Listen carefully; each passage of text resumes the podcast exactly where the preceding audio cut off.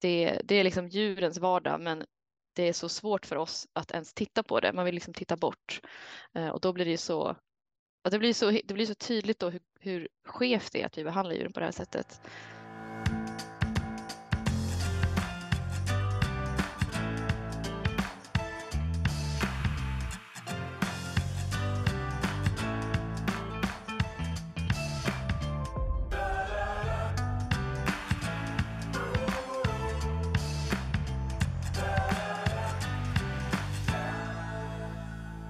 Du lyssnar på Djurens rättspodcast på Djurens sida.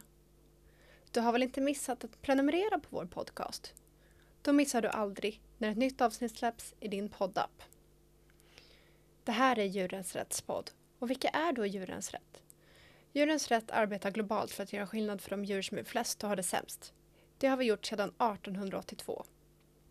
Med våra målinriktade kampanjer, företagssamarbeten och politiska påverkansarbeten är vi en av världens ledande djurrätts och djurskyddsorganisationer med fler än 50 000 medlemmar i Sverige.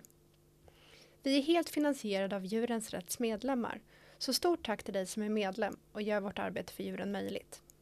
Välkomna till ett nytt avsnitt av På djurens sida. Jag heter Linn Åkesson och arbetar som kommunikationschef hos Djurens Rätt. Och I dagens avsnitt så kommer jag att prata med Anna Harenius där vi återigen ska prata om den oetiska pälsindustrin och vilken misär som djuren på pälsdjursfarmerna lever i. Anna kommer också att svara på frågor som har kommit in från er lyssnare via sociala medier. Senare i avsnittet så kommer jag också ta ett snack med Linn Bläckert, kampanjansvarig hos Djurens Rätt. Hon kommer att ge oss en uppdatering kring hur det går med medborgarinitiativet Fur for Europe som har varit igång i drygt ett halvår nu. Linn kommer också att berätta om hur Djurens Rätt uppmärksammar Pälsfria fredagen som äger rum i samband med att det här avsnittet släpps. Slutligen så kommer vi även att få lyssna på ett smakprov ur en film där olika profiler reagerar på hur djuren behandlas i pälsindustrin. Något som jag kan lova bli oerhört starkt. Men nu kör vi igång.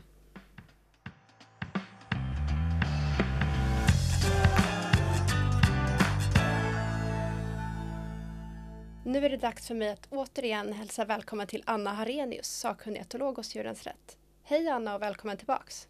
Hej! Tack så mycket för att jag får komma tillbaka. Ja, men tack själv. Och eh, idag när det här avsnittet släpps så är det ju pälsfria fredagen. Så jag tänkte att vi börjar med att inleda med att du får berätta vad temadagen innebär och varför inrättades den? Ja, den här dagen har vi uppmärksammat på Djurens Rätt väldigt många år. Jag vet inte exakt hur länge. Men den härstammar från USA om jag har förstått det rätt, eh, för Free Friday. Och då har den då sammanfallit samtidigt som Black Friday och det känner vi ju igen den dagen i Sverige nu också. Och då protesterar man ju främst då mot konsumtionen av päls och uppmanar till ett pälsfritt liv. Och Djurens Rätt har då uppmärksammat dagen genom att prata extra mycket om de miljontals djur som fortfarande lider i pälsindustrin samt uppmanar då till förbud mot pälsdjursuppfödning här i Sverige, förutom då tips för ett pälsfritt liv. Ja men just det och det är ju även den här tiden på året som minkarna i pälsdjursindustrin avlivas för att bli då just päls. Vill du berätta mer om det och hur minkarna har det nu egentligen? Ja precis, det är väldigt lämpligt att den här dagen, pälsfria fredagen, infaller just nu eftersom det är nu slakten av minkar sker. Eh, minkar i pälsindustrin får ungefär en kull valpar per år. Ja, de kallas valpar även för minkar, precis som för hundar.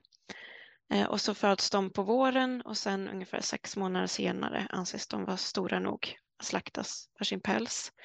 Eh, så det är nu i november ungefär som de är sex månader gamla eh, och slaktas. Och sen sparas några individer då för avel till nästa säsong. Men uppskattningsvis så kommer det i Sverige dödas omkring 150 000 minkar just nu under november.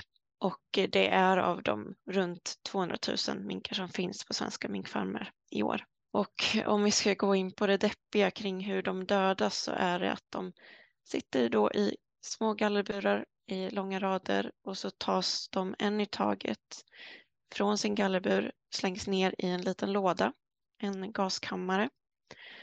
Och där gasas de med koldioxid eh, och så slängs det ner fler minkar eh, hela tiden medan personen går då längs med den här raden av minkburar. Och man vet att ju fler som slängs ner i den här lådan samtidigt, desto längre tid tar det att eh, få de här minkarna medvetslösa och dö.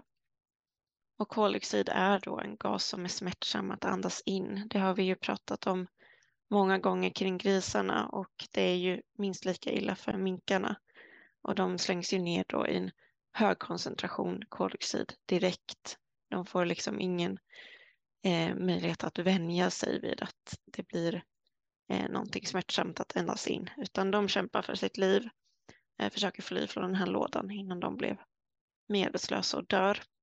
Och det enda minkfarmarna bryr sig om är ju att pälsen inte skadas av den här bedövningen och, och, och döden och att de ska slippa bedöva en mink i taget eftersom det tar för mycket tid. Ja, nej, det låter ju som en väldigt plågsam och fruktansvärd död minkarna går till mötes och jag antar att det är så här man gör också för att det, det du säger att de vill ju inte att pälsen ska skadas då så då kanske det här blir mest effektivt just för pälsen. Ja, jag antar att de har eh, provat olika metoder i de runt hundra år de har hållit på med minkfarmning och att det här är den mest effektiva metoden de har hittat för att behålla pälsen. Då. Men du nämner ju det här att det är ju minkar som blir kvar också. Alla slaktas ju inte eh, nu under hösten. Vad, vad händer med minkarna som blir kvar? Ja, de stannar ju kvar i sina gallerburar eh, och då ofta en per bur. Eh, och, men det är ju väldigt små burar med gallergolv. Eh, de är inte större än en uppslagen papperstidning. Det är då främst honor som sparas och sen några enstaka hanar. Det är de minkfarmen anses vara finast i pälsen eller har någon egenskap som de vill spara och avla vidare på. Eh, honorna, de har ju traditionellt svälts under vintern eh, så de har det absolut inte bra när de blir kvar där. Eh, jag vet inte exakt varför men de ska vara smala inför våren då parningen ska ske att det ska förbättra avelsresultatet. Men att svältas, det skapar ju hunger som man vet. Det är ju ett däggdjur precis som vi människor, vilket är ett lidande. Men man vet också att hunger skapar frustration och stressbeteenden. Eh, så det är nu under vintern man ofta ser sådana här stereotypa beteenden, alltså att minkarna vankar av och an, hoppar upp och ner på ett eh, sätt som ser helt meningslöst ut. Men stereotypa beteenden är ett sätt för dem att lugna sig själva i en miljö där de är stressade. Och vissa andra minkar de blir istället apatiska, alltså är extremt uttråkade eh, eller i värsta fall att de slutar reagera på någonting, så kallad inlärd hjälplöshet. Och det är ofta de som mår sämst, ehm, att de inte hanterar sin stress på något sätt utan blir helt deprimerade. Bara. Eh, så det enda de har i, i de här burarna är ju eh, under våren när de får ungar. Det är det största berikningen eller vad man ska säga när de får något annat att tänka på än att leva i den här misären. Så jag skulle säga att det här är den värsta perioden, både Eh, slakten av minkarna och sen att de här honorna blir lämnade kvar i sina burar där de inte har något att göra. Och eh, vi vet också att den här perioden var ju extra lång förra året då det var avelsförbud. Och Djurens Rätt arbetade ju då vidare för att det här skulle bli ett permanent förbud. Vi skulle inte ha kvar några minkfarmer, både av smittrisker eh, kring covid-19 men också såklart djurskyddsbristerna som finns på minkfarmer, att få till ett permanent förbud. Men aveln startade ju upp i år igen och det vi har hört kring rapporteringen är att minkhonorna har haft det så dåligt att de inte kunde ta hand om sina minkvalpar. Eh, så avelsresultatet blev mycket sämre än vanligt. Valparna dog för att honorna inte kunde ta hand om dem. De hade inte tillräckligt med mjölk eh, och så vidare. Eh, så ja, det har varit väldigt deppigt nu senaste tiden för minkarna. Mm. Och det här med alltså att de ja, de kan inte ta hand de var så deprimerade att de kunde inte ens ta hand om sina egna, egna valpar. Det måste ju också ha resulterat i att det blir ännu färre valpar som går till slakt nu i höst. Ja, precis. Det är en av anledningarna till att det har varit färre minkar på minkfarmer i år. Eh, att eh, ungefär tre valpar per kull överlevde istället för fem som brukar vara det vanliga. Så mm, valparna föddes men de dog tidigt på året så nu slaktas färre än, än vanligt. Mm. Och de som självdör, de, deras päls används inte då eller hur tas den om hand? Nej precis, det är ju särskilt om det är valpar som dör, de är ju lika små som kattungar. Det finns ju ingen päls att ta tillvara på där. Just det. Oh, fruktansvärt. Det går inte ens att föreställa sig vilket fruktansvärt liv de här minkarna lever. Jag tänker också att vintern, när det är en kall vinter, hur överlever de det? Är de inomhus i sina burar då eller hur, hur är det då? De flesta minkfarmer i Sverige har tak över burarna så de är inte inomhus men de har skydd från den värsta vinden och, och snön och så vidare.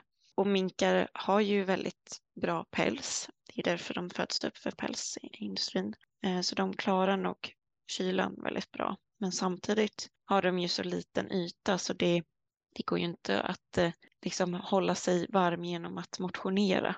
Utan de, de klarar sig ju. Men eh, det är nog inte trevligt Nej. för dem heller. Nej. Ja, det känns ju väldigt tröttsamt att eh, återigen liksom få prata om hur oetisk den här pälsindustrin är. Eh, kanske framförallt för dig som jobbar med det här dagligen. Eh, men om vi gör en liten lägescheck då, hur skulle du säga att själva minknäringen mår idag? Ja, förutom att minkarna mår väldigt dåligt just nu eh, och eh, att eh, färre minkvalpar överlevde så betyder ju det här också att hela pälsnäringen mår väldigt dåligt. Eh, och det har ju mycket med pandemin att göra. Eh, man kunde inte sälja pälsar. Eh, det mesta av pälsen säljs till Asien och där var det väldigt hårda lockdowns under pandemin. Så det gick inte att hålla sådana här pälsaktioner som de gör och sälja pälsar. Och innan dess har försäljningen också gått väldigt dåligt så det är ju många år det har gått dåligt. Eh, så de har fått mindre betalt för varje päls och inte kunnat sälja alla pälsar. Och sen har ju det varit det här avelsförbudet förra året i Sverige där de inte kunde producera några pälsar. De kunde inte avla fram fler minkar. Eh, så i år har de nog inte haft några pälsar att sälja alls om de inte hade ett lager.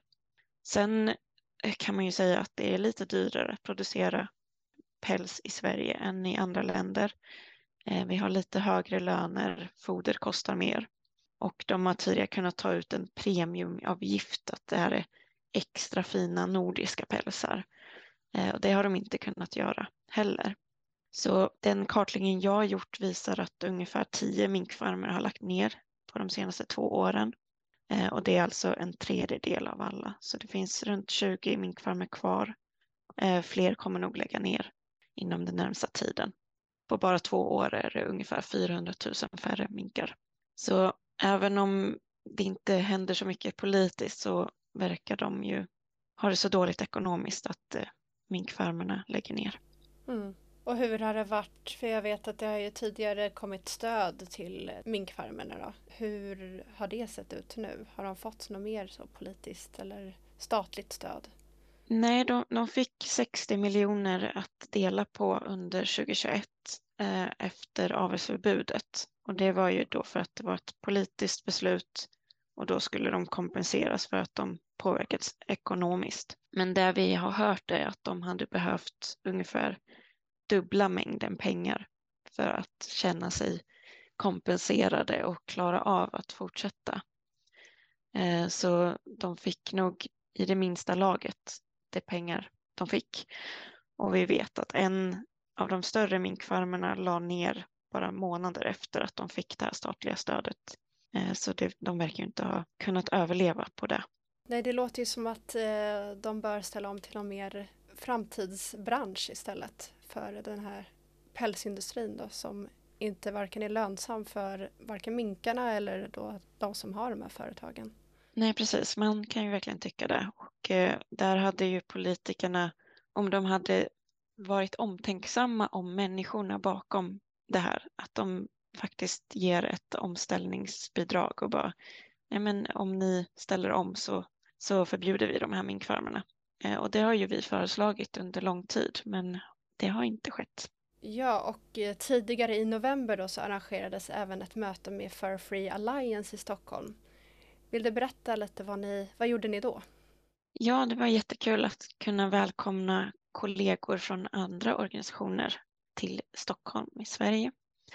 För frågan om pälsindustrin är global, så även om det är väldigt många länder som har förbjudit pälsdjursuppfödning så behöver vi ju samarbeta, vi som har minkfarmar kvar och de som har förbjudit kan ge tips på hur vi eh, ska få till en väg framåt, inspirera varandra med framgångar där förbud åstadkommits eh, och hjälpa till med kampanjer i landet som besöks. Och Fur Free Alliance är då en global koalition och vi träffas ungefär två gånger per år, minst, eh, som medlemsmöte ungefär. Så det är uppbyggt av massor med djurskydds och djurrättsorganisationer över hela världen. Så nu i början av november så var vi i Sverige värdland. Vi besökte då infrastrukturdepartementet eh, som är ansvariga för landsbygden och därmed minkfarmer och riksdagen och då lämnade vi över ett brev till landsbygdsministern Peter Kullgren. Och det var då ett gemensamt öppet brev från Farfree Alliance och oss för att visa att djurskyddsorganisationer över hela världen har ögonen på Sverige och att eh, vi kräver att Sverige stänger ner minkfarmerna. Så om de inte lyssnar på oss på Djurens Rätt så borde de väl lyssna på resten av världen kan man ju tycka. Och det är ju länder som Norge, Nederländerna och Tyskland som redan har förbud.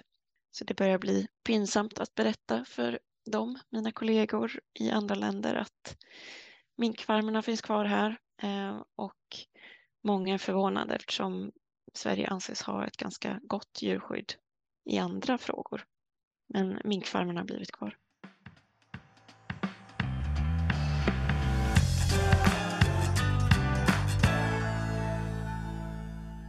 Vi har ju också fått in lite frågor från våra följare via sociala medier som jag tänkte att jag skulle ställa till dig. Så första frågan här är då, eh, vilka djur används i pälsdjursindustrin? Ja, eh, i Sverige är det då bara minkar. Sen är det vanligaste djuren, förutom minkar, rävar och mårdhundar. Och sen till viss del chinchillor. Och sen i Sverige så föds också vissa kaniner upp för kött och då tas deras päls tillvara men det räknas inte riktigt som en industri, en del av industrin utan det, det är så småskaligt.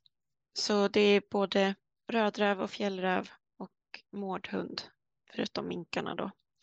Och det sker uppfödning av dem eh, i Europa eh, och resten av världen. Störst i Europa är då Finland eh, och Polen som har mycket räv och mårdhund förutom minkar. Och det är räv och mårdhundspäls som är det vanligaste som Sverige importerar för pälsprodukter som säljs till konsumenter. Då. Det är ju uppfödning som inte är laglig här. Ja men du nämner det här då att eh, ja, men räv och mårdhund är ju inte lagligt att föda upp här i Sverige. Vi har också fått en fråga om hur resonerades det när rävar och chinchillor blev förbjudet men inte minkar? Ja, och det är en ganska komplex fråga eh, kring lagstiftning och politik som har skett här i Sverige. Det är inte förbjudet att föda upp rävar och chinchillor i Sverige, men det är så eh, svårt att följa djurskyddskraven att det inte sker. Eh, så det finns ingen pälsproduktion från rävar och chinchillor. Och det som hände med rävarna var att det kom ett politiskt beslut på 90-talet grundat på vetenskapligt stöd då att rävar behöver grävmaterial och hållas i sociala grupper. Så då la man in det i djurskyddsförordningen, alltså regeringen la in det i lagstiftning att det skulle följas.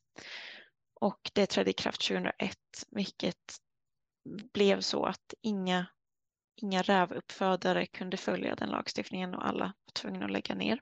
Och lite samma hände då runt 2012 till 2014 eh, när Jordbruksverket ändrade den mer specifika lagstiftningen kring pälsdjur då. Och där beslutar man att chinchillor ska ha samma regler om de hålls för päls som när de hålls som familjedjur, ungefär i alla fall. Och då införde man krav på minst en meter höga burar. För chinchillor är ju klättrande och eh, hoppande djur, så de behöver höjd eh, att röra sig på. Så även det ledde till att eh, de sista chinchilla-uppfödarna för päls la ner, gick i konkurs. De kunde inte följa de här djurskyddskraven. Så det som är skillnaden då med minkar är att det inte har kommit något politiskt eller myndighetsbeslut som gör det tillräckligt svårt att hålla minkar rent ekonomiskt. Nu är det ju svårt ekonomiskt ändå, men det har kommit djurskyddskrav på lite större burar och berikning, men det har liksom fungerat rent ekonomiskt att införa de eh, kraven. Sen har det politiskt varit nära att minkar fick tillgång till vattenbad till exempel. Att eh, regeringen försökte förtydliga i djurskyddslagstiftningen.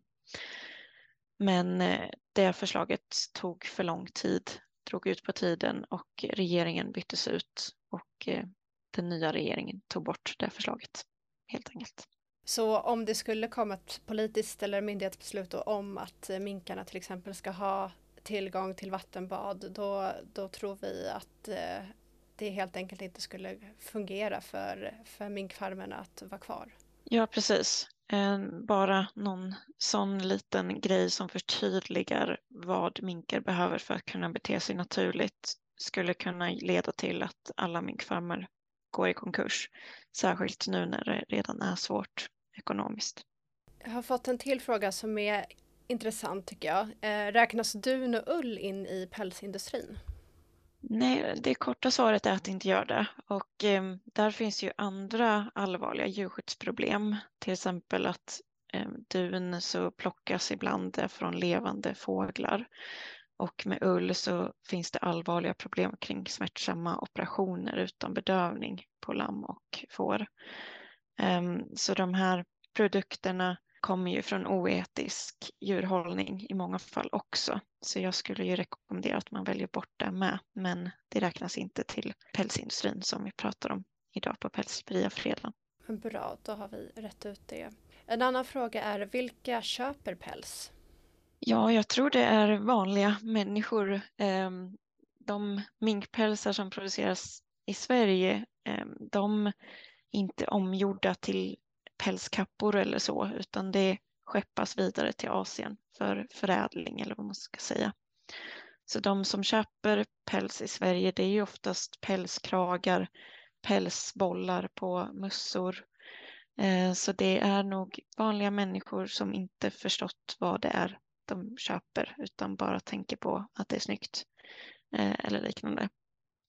Eh, så där är ju väldigt viktigt att vi fortsätter berätta om att det här är ju ganska oetiska produkter och eh, välj bort. Ja, och eh, du var inne lite på det, men vi har också en fråga om eh, vad för slags produkter används päls till? Det har blivit allt vanligare att det göms, eller vad man ska säga, i små detaljer på klädesplagg. Det är inte de här långa kapporna där man väldigt tydligt ser att det är många minkkroppar som har gått åt till den, utan det är pälskragar, bollar på mössor, eh, accessoarer som nyckelringar. Jag har till och med sett att de gör kuddfodral av päls. Eh, så industrin verkar ju försöka göra så mycket saker som möjligt av den päls de har eftersom pälskapporna inte riktigt är moderiktiga längre, åtminstone inte här i norra Europa. Vi har fått in en fråga, vart får de alla minkar ifrån? Ja, jag tyckte det var en eh, spännande fråga, men eh, det man kan säga är ju att uppfödning av mink har skett sedan ungefär 1920-talet eh, i Sverige. Eh, och det är att man importerade minkar från Amerika. Det är en art som heter amerikansk mink som man föder upp. Och sen eh, sparar man då avelsdjur varje år som vi pratade om tidigare. Man byter avelsdjur med varandra mellan farmerna också för att få till de här olika färgkombinationerna och, och eh, olika utseenden på minken. Så USA ursprungligen, men nu är de bara på minkfarmer och byts ut mellan dem. Okej, men det är alltså inte, man kan inte kalla dem för svensk mink utan de alla härstammar egentligen då från den här amerikanska minken då? Precis, arten heter amerikansk mink och det har funnits en, en minkart i Sverige, europeisk mink, eh, men de utrotades eftersom amerikanska minken tog över när de rymde från pälsfarmer under andra världskriget. Okej. Det var alltså under andra världskriget som de rymde och det blev den här förvildade minken? Ja, både att de rymde och att eh, minkfarmare behövde lägga ner sin verksamhet och bara släppte ut alla minkar. Ja, intressant. Vi fick en liten historielektion här också. Ja, precis. Men eh, sista följarfrågan då kommer här.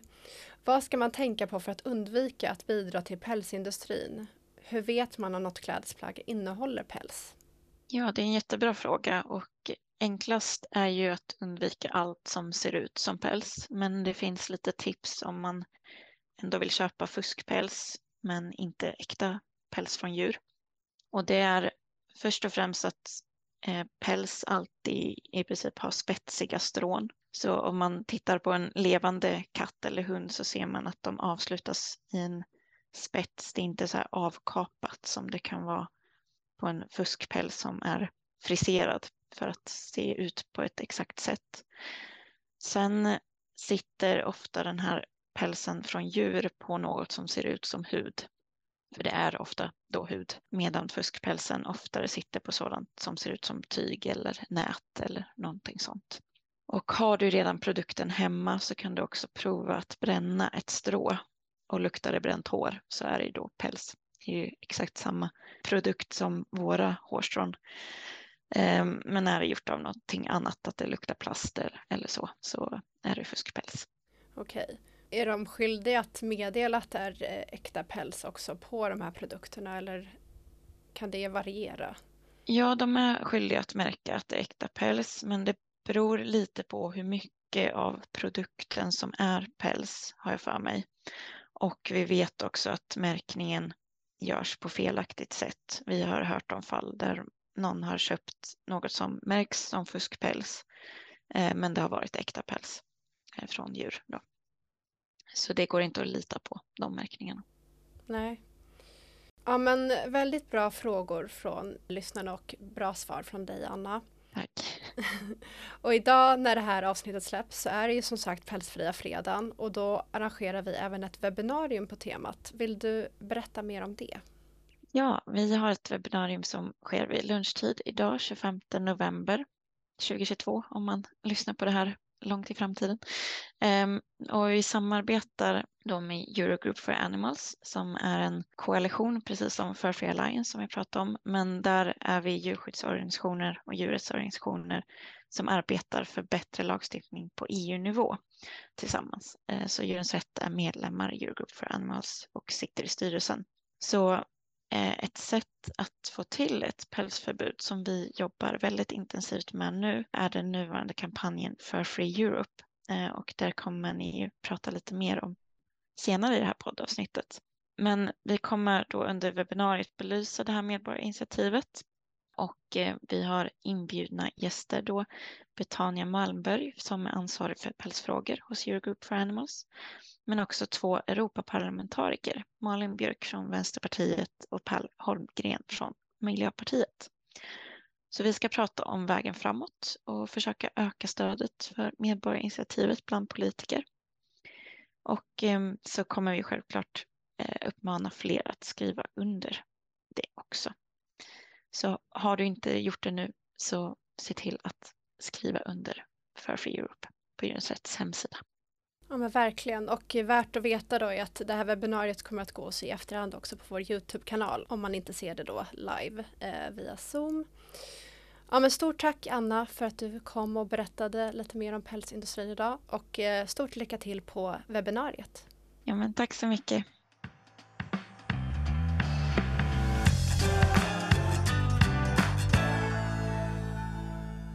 Nu har det blivit dags att hälsa välkommen tillbaka till Linn Bläckert, kampanjansvarig hos Djurens Rätt. Hej Linn! Hej Linn! Hej! Ja men nu så har ju jag pratat med Anna om hur otroligt hemsk pälsdjursindustrin är. Eh, men det finns ju faktiskt en unik möjlighet att stänga Europas pälsdjursfarmer för gott genom medborgarinitiativet Fur Free Europe. Ja, precis. Och Fur Free Europe är ju, som du sa, ett eh, så kallat europeiskt medborgarinitiativ. Eh, och det är en mer formell form av namninsamling på EU-nivå kan man säga. Så när ett EU-medborgarinitiativ lanseras, då har man ett år på sig att samla ihop minst eh, en miljon namnunderskrifter från EU-medborgare. Och om man får ihop det, då är EU-kommissionen skyldiga att svara och agera. Um, och just med Fur for Europe så handlar det om två uppmaningar i det här. Dels är det att införa ett förbud mot att föda upp djur för päls och även ett förbud mot eh, handel med päls och pälsprodukter i hela Europa. Då. Eh, så det, ja, det skulle vara otroligt stort om det skulle gå igenom. Ja men verkligen och det är det vi hoppas på nu då med initiativet.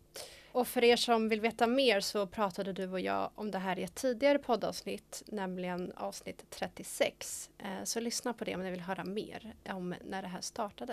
Eh, men nu har ju medborgarinitiativet pågått i drygt ett halvår, vilket innebär då att vi är halvvägs. Hur har arbetet sett ut så här långt? Oj, ja, det har ju varit ett intensivt arbete hittills från oss då på Djurens Rätt och omkring eh, 70 andra organisationer runt om i Europa som är ju med oss i den här kampanjen, så det är ju en väldigt stor eh, satsning.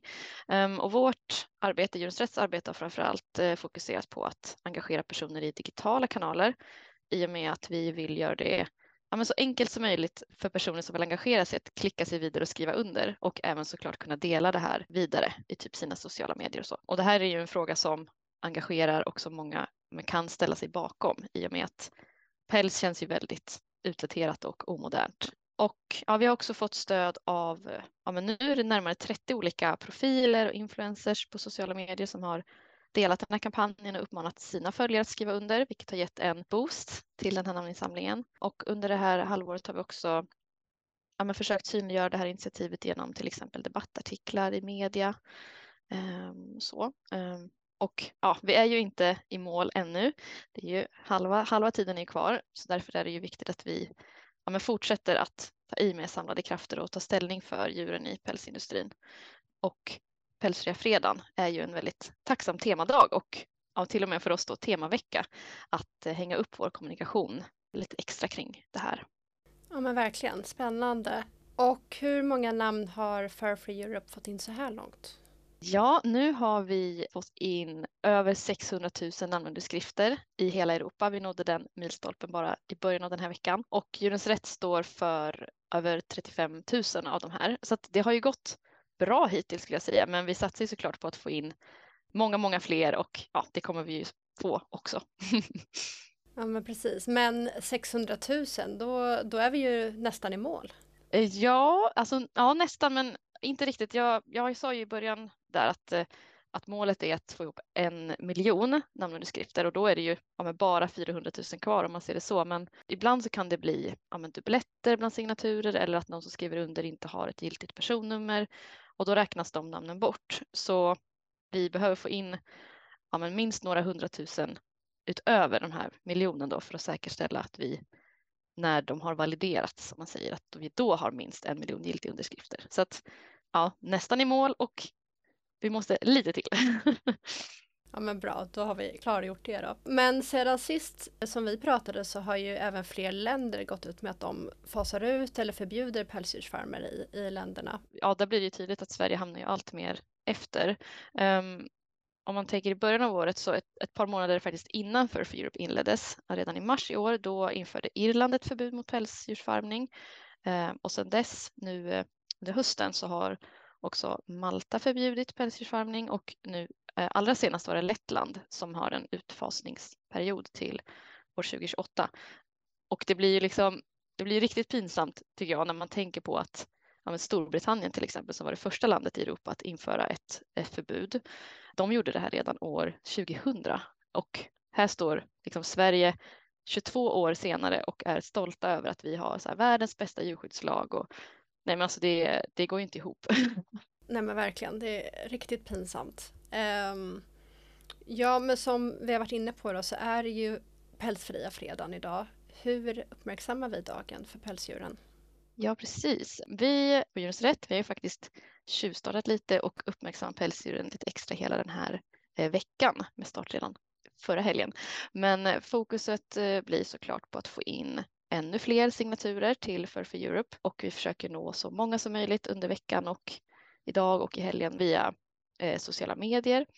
Och idag så arrangerar vi också ett webbinarium eh, med EU-politiker och Djurens rättsvolontärer gör även olika aktiviteter lokalt runt om i landet idag. Och ytterligare en grej är då att vi idag också släpper en film eh, som vi har spelat in tillsammans med några profiler eh, för att uppmärksamma och ja, belysa hur djuren på pälsdjursfarmerna har det. Ja, men vill du berätta lite mer om filmen och vilka är med? Ehm, de medverkande i filmen, det är sex personer som är med. Det är Ida Nordfors, Julia Sundqvist, Evelina Forsell, Gurgin Bakircioglu, Attila Joldas och Niklas Arleryd. Och det de fick göra var helt enkelt att se på autentiskt filmat material från pälsindustrin och samtidigt ja, visa och berätta vad de tänker och känner inför det som eh, de fick se. Ja men spännande och hur reagerade de när de fick se det här materialet från pälsdjursindustrin? Ja, bäst är ju såklart att eh, kika på den här, den här filmen eh, för att se deras reaktioner. Men det jag kan säga att det blev ju väldigt starka reaktioner, eh, men ändå att de reagerade ganska olika så här, sinsemellan. Man kan ju reagera på olika sätt när man ser djur eller människor fara illa och, och behandlas dåligt. Men gemensamt var ju såklart att ingen av dem tyckte att det här var ett okej beteende, hur djuren behandlas och att de blev liksom, ja, men illa berörda av det de fick se. Det blir så tydligt då eh, när man reagerar så starkt att det här är liksom en verklighet för djuren som är helt oacceptabel. Det, det är liksom djurens vardag men det är så svårt för oss att ens titta på det. Man vill liksom titta bort eh, och då blir det ju så det blir så, det blir så tydligt då hur, hur skevt det är att vi behandlar djuren på det här sättet. Djur som är liksom kännande individer eh, att de utsätts för den här typen av behandling. Och jag känner ju själv när jag får se deras reaktioner att det liksom, det går ju rakt in i en. Det är jättesvårt att se någon reagera och bli ledsen av det de får se och själv inte bli väldigt påverkad av det. Så att man speglar sina egna känslor genom, genom deras reaktioner. Ja, jag tycker det blev, det blev väldigt stark, en stark film att se deras reaktioner helt enkelt. Ja men väldigt fint och nu eh, tänker jag att lyssnarna är eh, nyfikna på det här så jag tänker att vi spelar upp ett litet smakprov på reaktionerna som vi fick i filmen.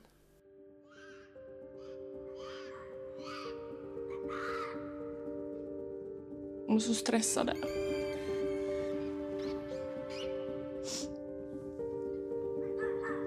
Det är det vidrigaste jag sett.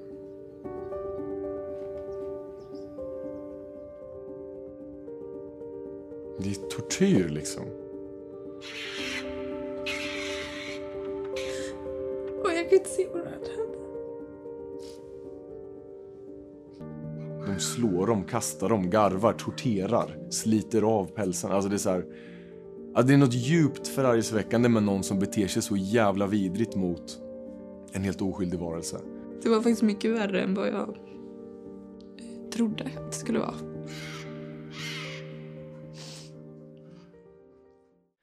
Ja, wow. Det här var ju väldigt starkt bara att höra reaktionerna, inte se det.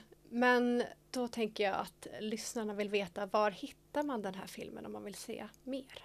Ja, då kan man gå in på Djurens Rätts kanaler i sociala medier och på vår Youtube-kanal och där kan man se den här filmen och ja, men, kommentera vad man själv eh, känner när man ser den. Gärna dela den så att fler får se den helt enkelt. Ja men verkligen. Ja, men tack Linn för att du var med idag och slutligen då, vad vill du skicka med till lyssnarna? Tack själv. Eh, först och främst såklart skriv under för ett pälsfritt Europa. Det kan du göra på djurensrätt.se pälsfri och när, ni har gjort, när, när du som lyssnar har gjort det så får du jättegärna titta på den här filmen då och dela den med så många som möjligt så att fler kan förstå vilken ja, men, plågsam och hemsk industri det är att föda upp djur för päls.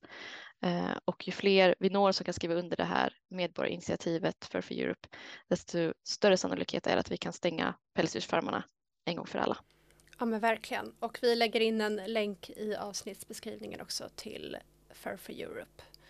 Stort tack Linn! Tack!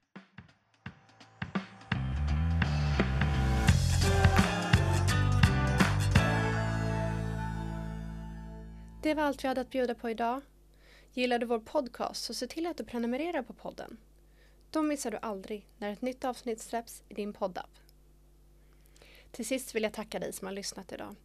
Det är tack vare våra månadsgivare som vi kan fortsätta göra skillnad för de djur som är flest har det sämst. Och vi behöver din hjälp i kampen för ett pälsfritt Europa. Gå in på www.djurensrätt.se medlem och bli månadsgivare idag. Ha det fint tills vi hörs nästa gång och tack för att du står på djurens sida.